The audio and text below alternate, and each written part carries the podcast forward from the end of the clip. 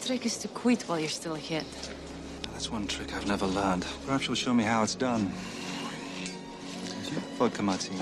Shaken, not stirred. And for you, The same.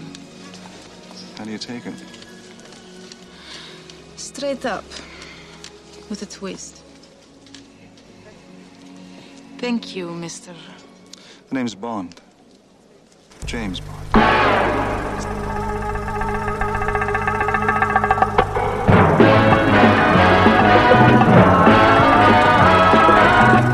When it comes to entertainment, you can't beat a good film.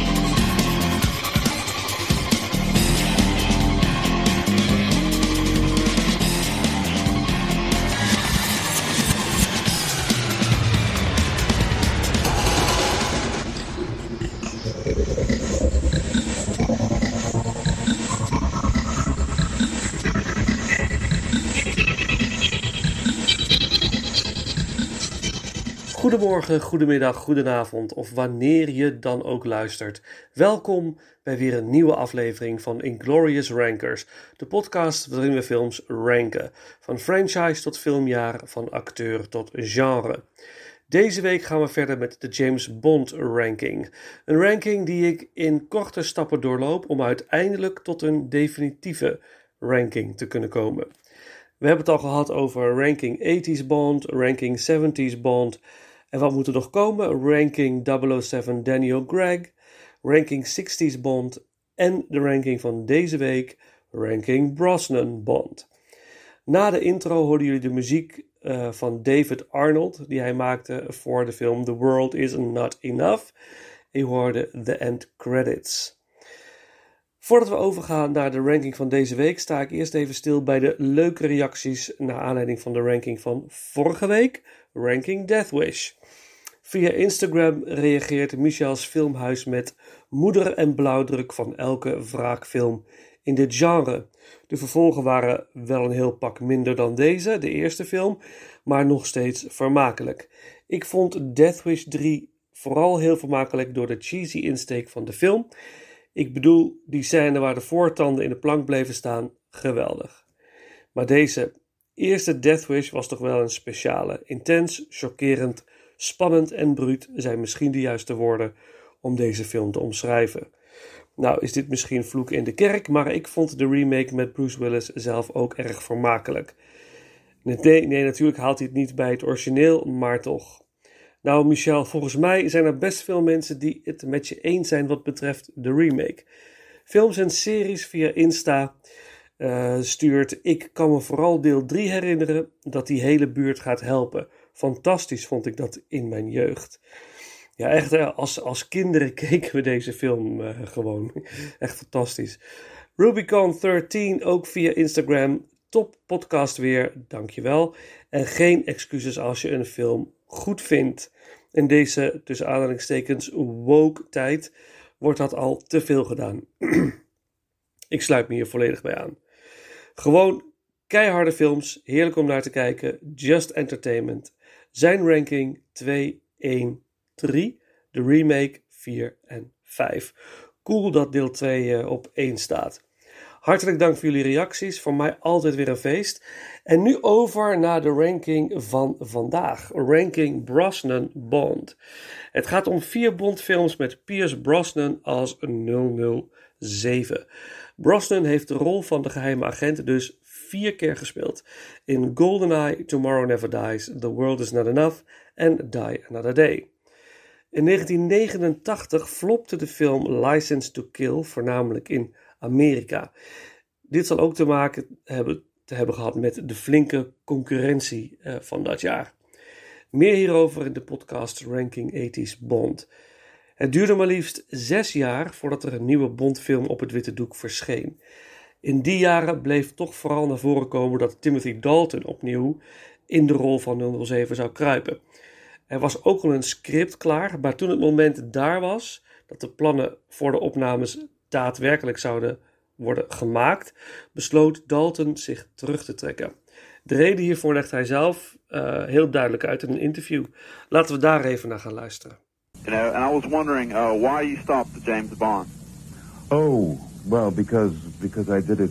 You know, when I started, it was eight years ago, and then I did another one six years ago, and then the movies were brought to a halt because of a lawsuit between the producers and the studio, which meant there was this huge six-year gap. And then when that was cleared up, they told me they wanted me to do another, but, you know, I felt I'd done it. Bond is a dominating image, and I, if I started again now, six years later, it'd maybe for the rest of my life. In in those years that you were Bond, for those two pictures, the, uh, the first picture was called License to Kill, Yeah. and the other was The Living Daylights. I Yeah, yeah. Um, would people come up to you on the street and and and identify you as James Bond? yeah.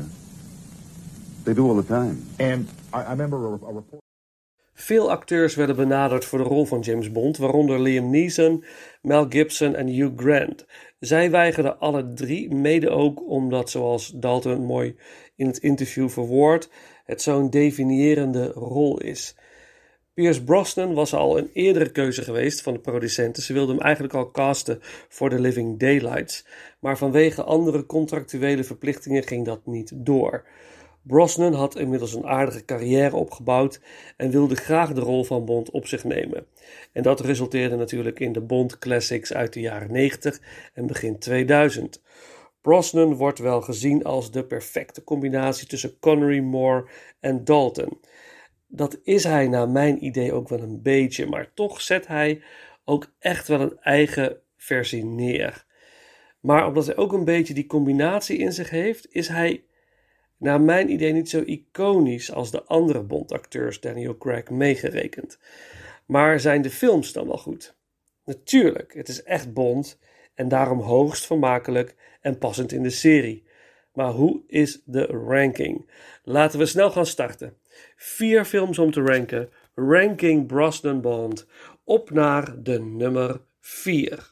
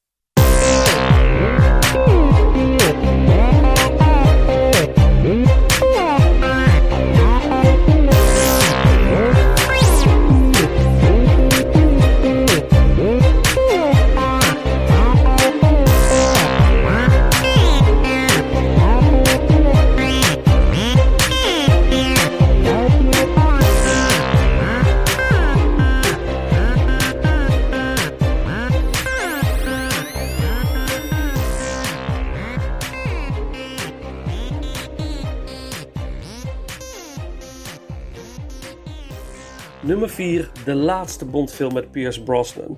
De film waarin Bond behoorlijk uit de bocht vliegt voor velen. Net als Moonraker is Die Another Day voor veel Bond-fans een mislukking. Maar is dat nou eigenlijk wel zo? Ik ben groot fan van Moonraker. De vraag is natuurlijk, ben ik dat ook van Die Another Day? De film belooft in ieder geval heel veel spektakel en een lekkere pacing. Eh, Bond infiltreert in de Noord-Koreaanse basis van kolonel Tan Sun Moon en deze verkoopt illegale wapens in ruil voor conflict diamonds, zogenaamde bloeddiamanten, blood diamonds. Bond doet zich voor als een handelaar, maar wordt op een cruciaal moment ontmaskerd door handlanger van Moon, Zhao. Er ontstaat een wilde en zeer spectaculaire achtervolging, echt helemaal te gek. Maar Bond redt het deze keer niet en wordt gearresteerd door Moon. Hij zit 14 maanden gevangen. En de Britten daarentegen hebben Zhao gevangen weten te nemen. En Bond wordt uiteindelijk vrijgelaten in ruil voor Zhao. Hij moet een quarantaine en M neemt Bond de 00-status af. Geheel illegaal weet Bond toch weg te komen en te reizen naar Cuba. En hij gaat op zoek naar Zhao en zo ook op zoek naar het brein achter de diamantenoperatie. En, en waar worden de diamanten precies voor gebruikt? Uh, onderweg ontmoet hij Jinx, NSA-agenten, gespeeld door Thank God in Heaven, Haley Berry. Wat vind ik dat toch een prachtvrouw. Ja. En samen met haar komt hij op het spoor van Gustav Graves, het brein. En hij heeft snode plannen met de wereld. Man, man, voer voor actie, spanning en spektakel. Another Day werd uitgebracht in 2002 en dat was natuurlijk niet voor niks. Het was precies 40 jaar na de release van de eerste Bondfilm Dr. No in 1962. Er zitten ook wat knipogen naar eerdere Bondfilms, waaronder de scène dat Jinx reist uit het water, à la Ursula Andress in Dr. No in 62. Ook pakt Bond als hij in Cuba is een boek van een plank over vogels, Birds of the West Indies. dat boek was in het bezit van Ian Fleming voor hij zijn eerste Bond roman schreef. Het boek Birds of the West Indies is geschreven door James Bond. En daar haalde Fleming de naam voor het nu iconische karakter vandaan.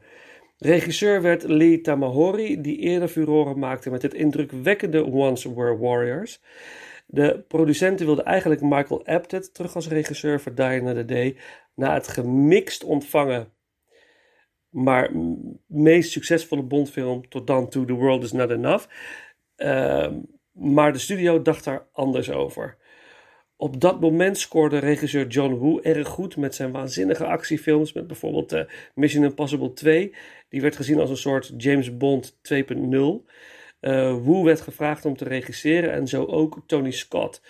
Beide weigerden omdat ze wisten dat ze een groot deel van de creatieve vrijheid zouden moeten opgeven omdat deze bond moest concurreren met films als Mission Impossible 2 en Triple X, wilden ze een betere actieregisseur dan Apted. De keuze viel op Tamahori omdat hij tijdens een gesprek met de studio en producenten net zo'n grote Bondfilm voor ogen had als zij. Helaas lukt het Tamahori niet het niveau van Woo of Scott te behalen. Ook is het script van de film door Neil Purvis en Robert Wade niet om over naar huis te schrijven. Er zitten te veel cheesy one-liners in, waardoor die op een gegeven moment echt niet meer werken. Ook vliegt het op een gegeven moment zo uit de bocht dat het mij als kijker niet meer veel kan schelen. De film begint erg sterk. Het eerste uur is echt wel gaaf. Een goede spanningsopbouw en Bond in een precaire situatie. Maar vanaf het moment van de onzichtbare auto en het ijspaleis begint de film mij te verliezen. En dat is echt jammer, want er zijn ingrediënten genoeg om er echt iets heel cools van te maken. Maar het is het gewoon net niet. Heel jammer. Dus helaas ben ik geen Die Another Day fan. Hoewel ik hem vast nog wel vaker zal zien. Ehm, dat sowieso, ik kijk graag Bondfilms. Uh, en voor een groot deel is het een onderhoudende Bondfilm. Maar zonder twijfel mijn minst favoriete Brosnan Bond. Brosnan zelf was geen voorstander van de high-tech, full-on action Bond-stijl van Die Another Day.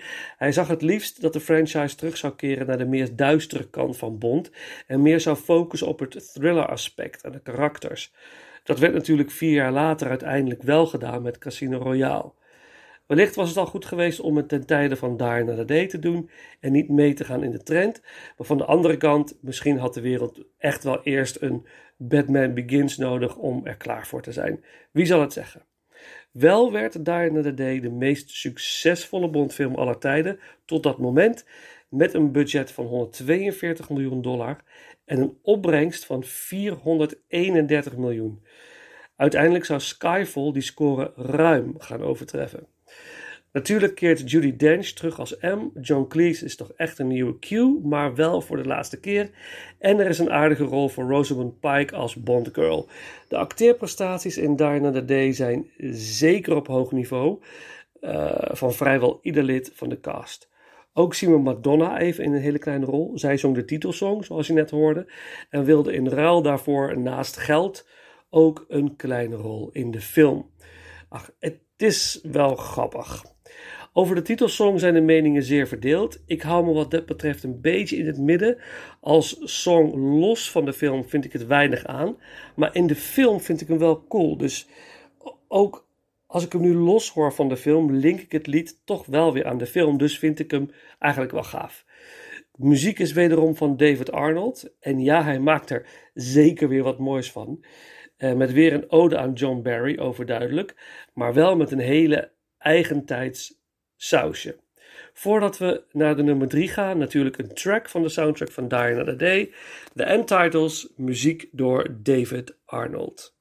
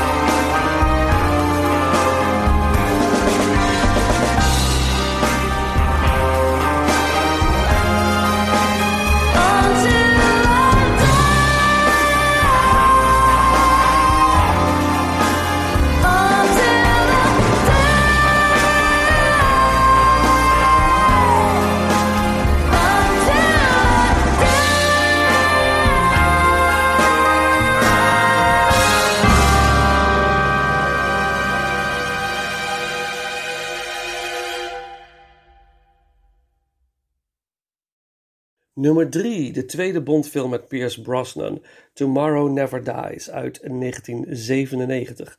Bond was helemaal terug na het succes van de eerste Pierce Brosnan, GoldenEye, dus een follow-up met Brosnan stond snel in de planning. In deze film neemt Bond het op tegen mediamagnaat Elliot Carver, gespeeld door Jonathan Price. Deze man veroorzaakt rampen en conflicten in de wereld om als eerste de headline te hebben en hier heel veel geld mee te verdienen en zijn lust naar macht en controle te bevredigen. Wanneer Carver China en Engeland tegen elkaar opzet en de wereld zich voorbereidt op een mogelijke derde wereldoorlog, heeft Bond geen tijd te verliezen. Gelukkig krijgt hij hulp van een mooie vrouwelijke Chinese collega, Wai Lin. Actie, spektakel en fast pacing. Daar draait deze tweede Bondfilm dan ook op. Het is echt heel spectaculair allemaal en zet de toon voor de twee Brosnan-films die volgden. Hoewel deze meer dan de andere twee films toch nog een zekere combinatie weten te vatten. Nou ja, eigenlijk meer dan de laatste film. Toch nog een zekere combinatie weten te vatten tussen thriller en spektakel. Want World Is Not Enough heeft dat toch ook wel. Is het toch een van mijn minst favoriete Bondfilms. Het wil me allemaal net niet grijpen. Ik vind het heel vermakelijk en het is echt wel een Bond die ik meerdere malen kan bekijken, maar het beklijft niet. Brosnan is goed als Bond, hij draagt de film en tegenspeler Michelle Yeoh als Wai is echt een aanwinst. En, en de scènes met hen samen zijn de hoogtepunten uit de film, met de achtervolging op de motor als absoluut hoogtepunt. hoogtepunt. Jonathan Price als Bad Guy Carver is oké, maar het wil allemaal niet zo uit de verf komen. En de combinatie van maniacale overacting en beheersing Iets wat Price op de planken van het theaterpodium tot in de puntjes beheerst, wil in deze film niet werken. Terry Hatcher als andere Bond-girl is mooi en het acteerwerk is prima, maar ook haar rol deed me niet veel. Leuk detail is wel dat er, dat er een aandeel is vanuit Nederland, net als in GoldenEye, en nu in de vorm van Daphne Dekkers, met een heel kleine uh, bijrol als PR-dame van Carver. Superleuk voor Daphne, maar ze is geen actrice. Wel een begenadigd schrijfster. Zeker aan te raden eens iets van haar te gaan lezen. Bad guy sidekick Stamper is wel cool en bruut. Uh, goede rol van Duitse acteur Otto Geutz. Regie is in handen van Roger Spottiswoode, die eerder films als Under Fire en 48 Hours met Eddie Murphy regisseerde. John Barry was gevraagd om terug te keren als composer, maar hij weigerde omdat hij niet mocht meewerken aan de titelsong. Uh, gezongen door uh, Sheryl Crow. Iets dat cruciaal is voor een Bondfilm. En vaak het thema is ook vaak in de song verwerkt. En dat werkt de componist vaak samen met de artiest. of de zanger of de zangeres die het nummer gaat inzingen. De filmmuziek is van David Arnold. dit is de eerste Bondfilm die hij uh, van muziek voorziet. Die op aanraden van John Barry de vaste componist werd voor de komende Bondfilms tot Skyfall. Een ijzersterke soundtrack met de echte Bond uh, feel getrokken naar de 90s. De titelsong Tomorrow Never Dies, gezongen door Sheryl Crow, is een van mijn minst favoriete Bond-songs. Is het ook gewoon net niet. David Arnold was ook niet gecharmeerd van Crow maar had weinig keus. Als tegengas nam hij ook een track op met Katie Lang, noemde het Surrender. Maar deze track had beter gewerkt als titelsong dan de Crow-versie. Ach, wat de heck, laten we daar even naar gaan luisteren. Naar uh, Surrender door Katie Lang. En zie dan maar eens voor je hoe deze song zou hebben gewerkt tijdens de titelgeneriek van uh, Tomorrow Never Dies. Here we go. Katie Lang met Surrender.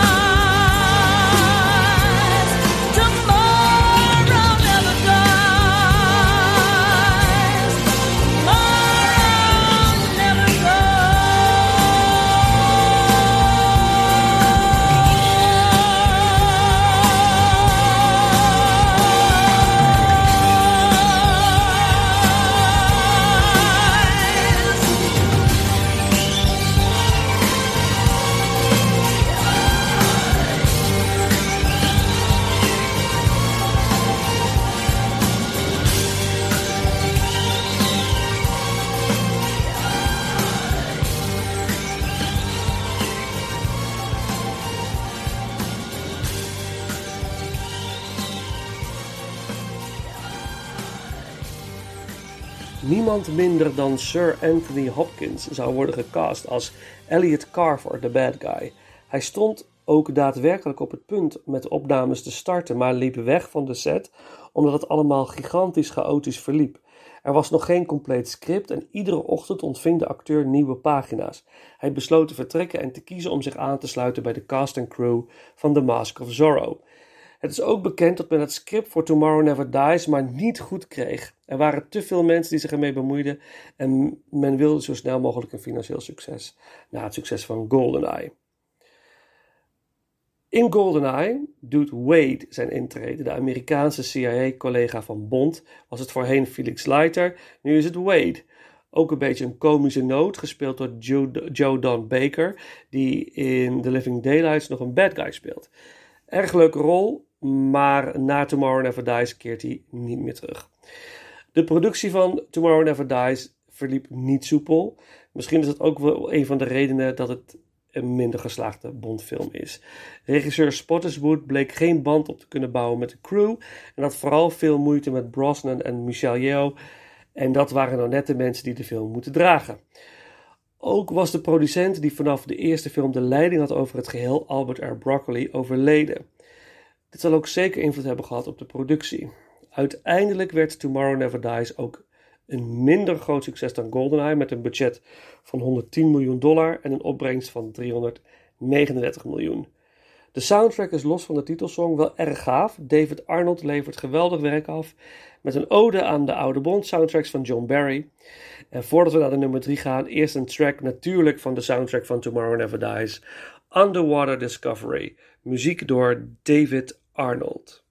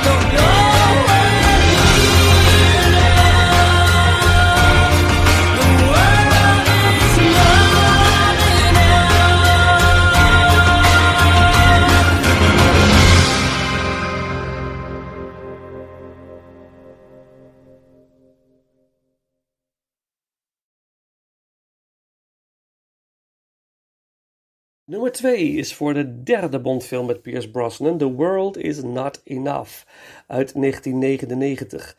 In deze film gaat het al een beetje meer richting de way over the top stijl van Die Another Day, maar behoudt toch een zekere grounded feel en dat komt ook voor een groot deel door het sterke script.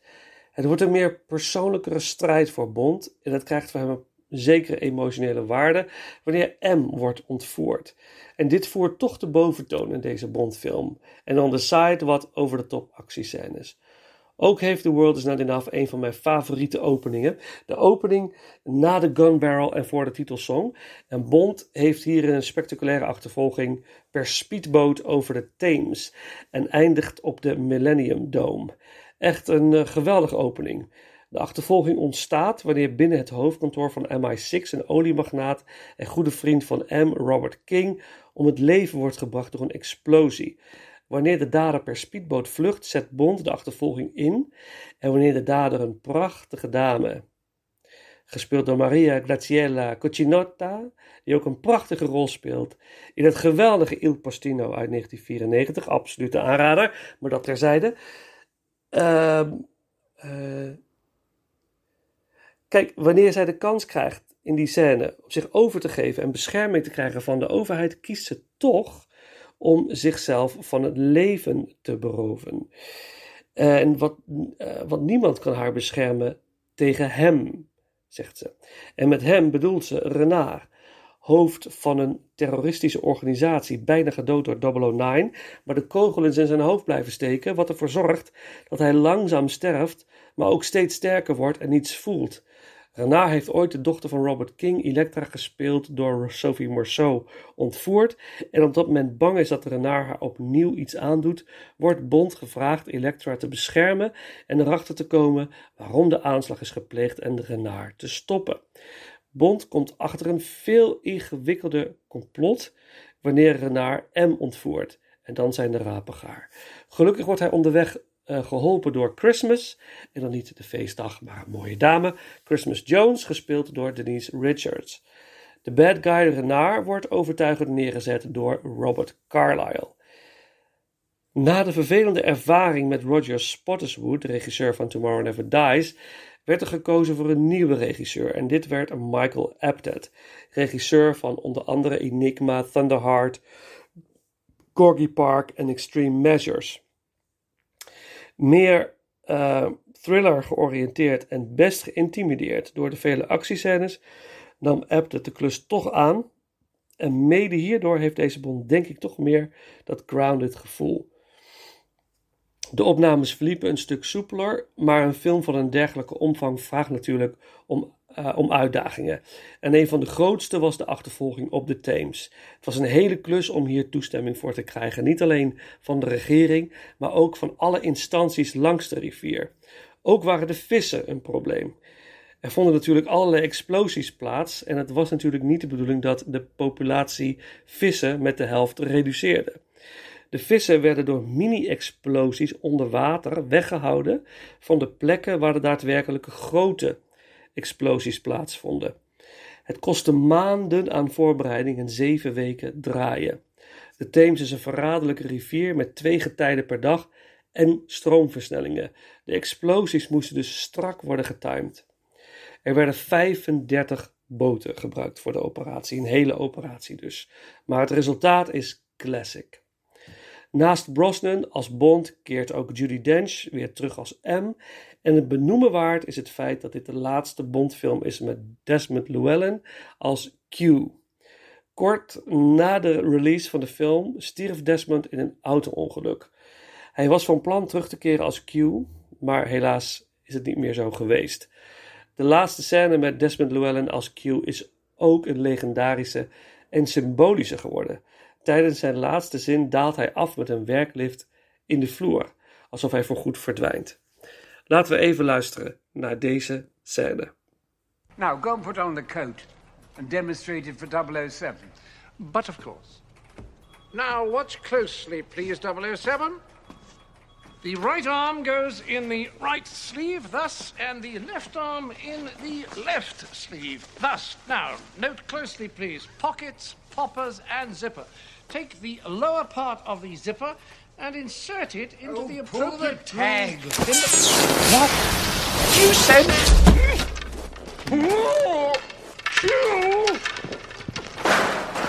Seems well suited for the job. You're not retiring anytime soon. Are you? Now pay attention, 007. I've always tried to teach you two things. First, never let them see you bleed. And the second? Always have an escape plan.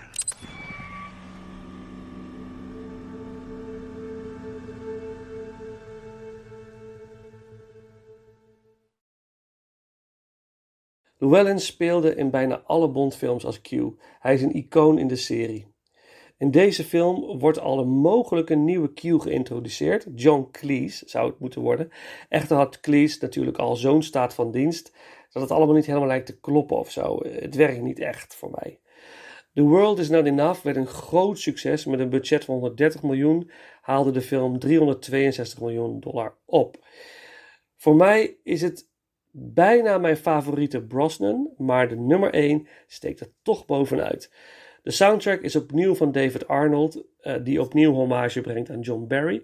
Zijn score heeft naar mijn idee echt de Bond feel, maar maakt het ook een score voor de 90s. Heel knap en heel gaaf.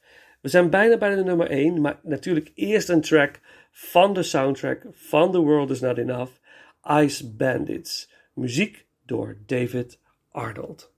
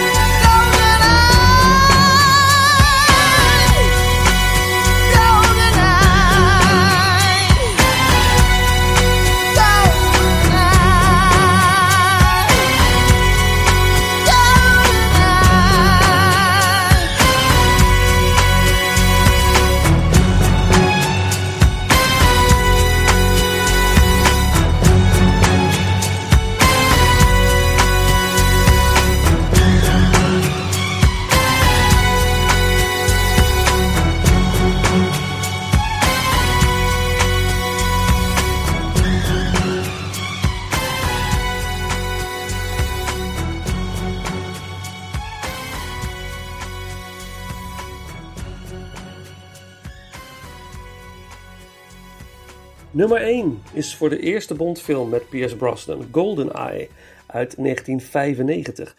Ik weet nog dat ik op een vrijdagmiddag naar de bioscoop ging, de eerste middag dat hij draaide, in Carolus, eh, de, de tot mijn verdriet inmiddels gesloten bioscoop in Nijmegen, vol spanning en verwachting. Hoe zou deze nieuwe Bond zijn? Ik moet zeggen dat ik niet meteen fan was en dat kwam voornamelijk door de soundtrack van Eric Serra.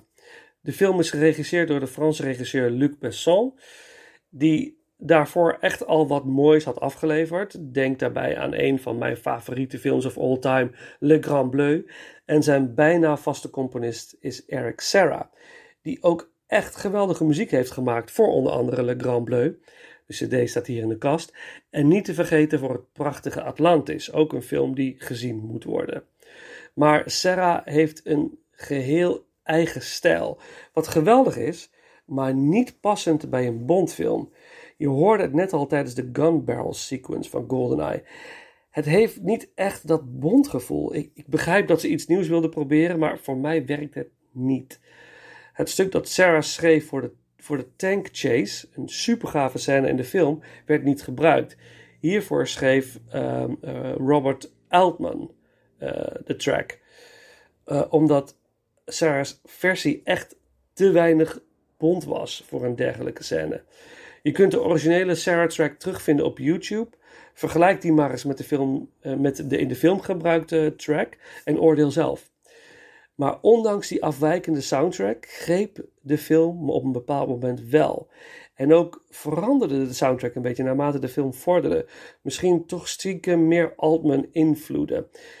Er zijn een aantal tracks die toch ook echt wel de moeite waard zijn. We zullen er natuurlijk één gaan beluisteren zo. De titelsong door Tina Turner, geschreven door Bono en The Edge van U2, maakte ook een hoop goed. Ik denk dat deze titelsong de beste is uit de Brosnan-reeks. Zoals al eerder besproken, zodra uh, componist David Arnold het stokje overnam voor Tomorrow Never Dies, verbeterde de score aanzienlijk. Maar goed, dan de rest van de film. Brosnan overtuigt direct als Bond. Heeft geweldige one-liners, een bepaalde charme en je ziet de combi overduidelijk. Een beetje van alle Bonds, maar toch eigen. Begin jaren 90 waren de Tom Clancy-verfilmingen erg populair bij het grote publiek. Films als Patriot Games, The Hunt for Red October en Clear and Present Danger. Dus de nieuwe Bond volgde deze trend enigszins. Wat GoldenEye hierdoor doet, in tegenstelling tot de andere Brosnan Bonds, is het behouden van geaardheid, uh, groundedness, uh, gegrond. Het gaat à la Bond soms heerlijk over de top, maar blijft daarnaast ook een spannende spy thriller met hele interessante karakters. En dat is wat de films van Brosnan na GoldenEye zo misten. Brosnan is zeer getalenteerd en een ijzersterke Bond in GoldenEye. Het is echt jammer dat ze deze toon niet hebben voortgezet. Pierce Brosnan is echt een goede acteur en hij draagt alle Bondfilms zeker, maar ik ben echt benieuwd wat hij had kunnen doen met beter materiaal. De andere films zijn echt leuk, ook al gaan ze way over the top. Toch is GoldenEye by far Brosnan's beste Bondfilm, naar mijn idee. In GoldenEye moet Bond het opnemen tegen een terroristische organisatie geleid door ex-collega Secret Agent Alec Trevelyan, voortreffelijk gespeeld door Sean Bean. Die dreigt een wapensysteem vanuit het heelal te gebruiken om grote delen van de wereld te vernietigen. Dit systeem kan worden bestuurd door de Golden Eye. Eh, de organisatie heeft Golden Eye gestolen en Bond moet hem terughalen alvorens de terroristen het kunnen gaan gebruiken. Zeer goed geschreven en uitgewerkte Bondfilm. Ook de side characters zijn echt goed. Denk hierbij aan de sterke Bondgirl Isabella Scruopo als uh, Natalia en onze eigen Hollandse Famke Jansen als Xenia Onatop, de Bad Bond Girl. Zij zet een onvergetelijke en uiterst sexy karakter neer. Vanaf deze film is M een vrouw, de baas van Bond, gespeeld door Judy Dench. En ook zij verovert een onvergetelijke plek in de Bond-geschiedenis. Tot en met Skyfall drukt ze op een positieve manier haar stempel op de films. En mede dankzij haar hebben alle Brosnan films en uh, uh, die ook volgen naar GoldenEye echt acting quality. GoldenEye is de eerste Bondfilm in de geschiedenis die gebruik maakt van CGI. Dit is al te zien tijdens de gun barrel sequence. De classic sequence is vanaf dan voorgoed verdwenen. Dit is de eerste complete originele Bondfilm in de zin van verhaal. Het is de eerste Bond die in zijn volledigheid niet is gebaseerd op een van de boeken van Ian Fleming. Wel is er een link naar Fleming en dat is de titel GoldenEye. Tussen 1957 en 64 woonde Fleming op Jamaica en het huis dat hij daar had noemde hij GoldenEye. De regie is in handen van Martin Campbell, begonnen als cameraman en als regisseur voor GoldenEye. Daarvoor vooral veel grote tv-successen gehad. Na GoldenEye regisseerde hij de gave avonturenfilm The Mask of Zorro en het zeker niet onaardige Vertical Limit. In 2006 was het ook aan hem de taak om Daniel Craig te introduceren als nieuwe Bond. Zowel met GoldenEye als Casino Royale met Craig kun je met zekerheid zeggen: missie geslaagd. Pierce Brosnan werd met GoldenEye omarmd door het publiek als nieuwe Bond en voor een hele nieuwe generatie werd hij de James Bond. De film bracht met een budget van 60 miljoen dollar ruim 365 miljoen dollar op wereldwijd en was hiermee een gigantisch succes. Bond was terug. En voor mij is GoldenEye de nummer 1 van deze Brosnan ranking. Nu een track van de soundtrack van GoldenEye. Muziek door Eric Serra. Een track die de Serra vibe mooi combineert met het Bondgevoel. De track The Antenna.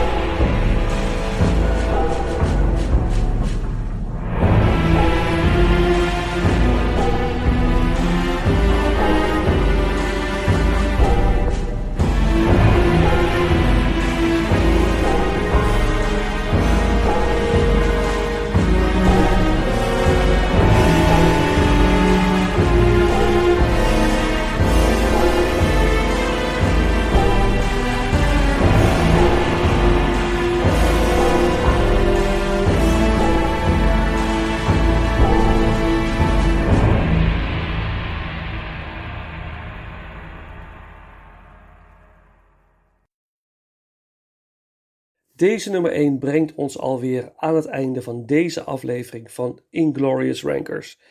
Deel met me jouw Pierce Brosnan ranking via de bekende social media kanalen en ik neem het mee in een volgende aflevering.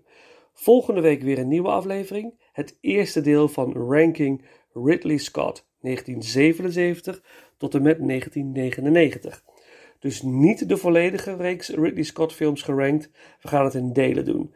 Mogelijk zal deze ranking twee of zelfs drie afleveringen gaan beslaan. Het belooft weer een feestje te worden met veel filmfragmenten, veel muziek en anekdotes. En vooral veel liefde voor de films van Scott. En wat het extra leuk maakt, is dat ik deze afleveringen samen opneem met Paul Hazelhoff, mede filmliefhebber, Instagrammer en Inglorious Ranker. Eerder nam ik uh, met hem op de Christopher Nolan ranking en we besloten vrijwel direct erna een volgende in te plannen en dat is Ranking Ridley Scott geworden. Maar goed, dat is volgende week. We sluiten deze aflevering uh, af met een, een nummer van The Clash. London Calling te horen in Die Another Day. Beste mensen, voor nu bedankt voor het luisteren en tot de volgende ronde.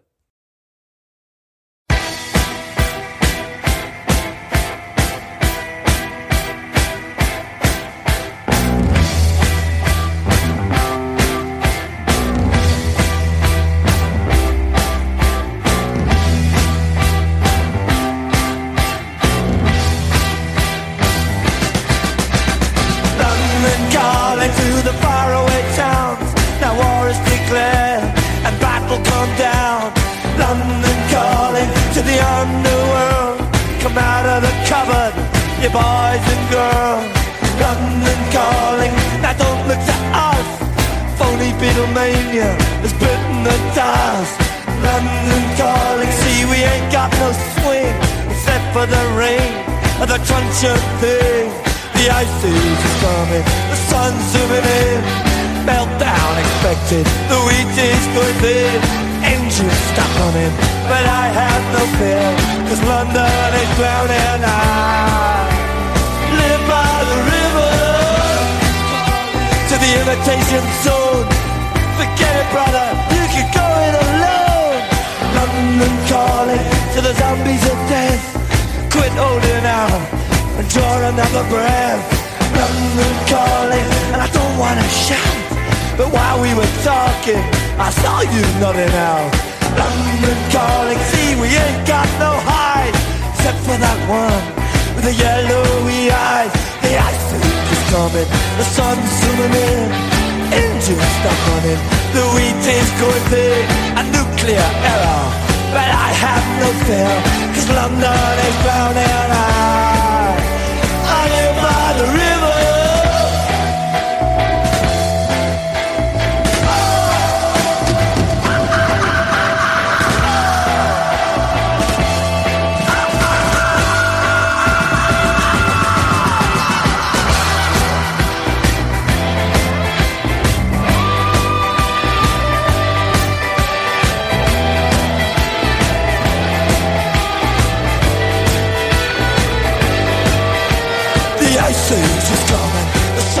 Zooming in, engines stop running, the wheat is going thin, a nuclear error, but I have no fear, cause London is drowning. I,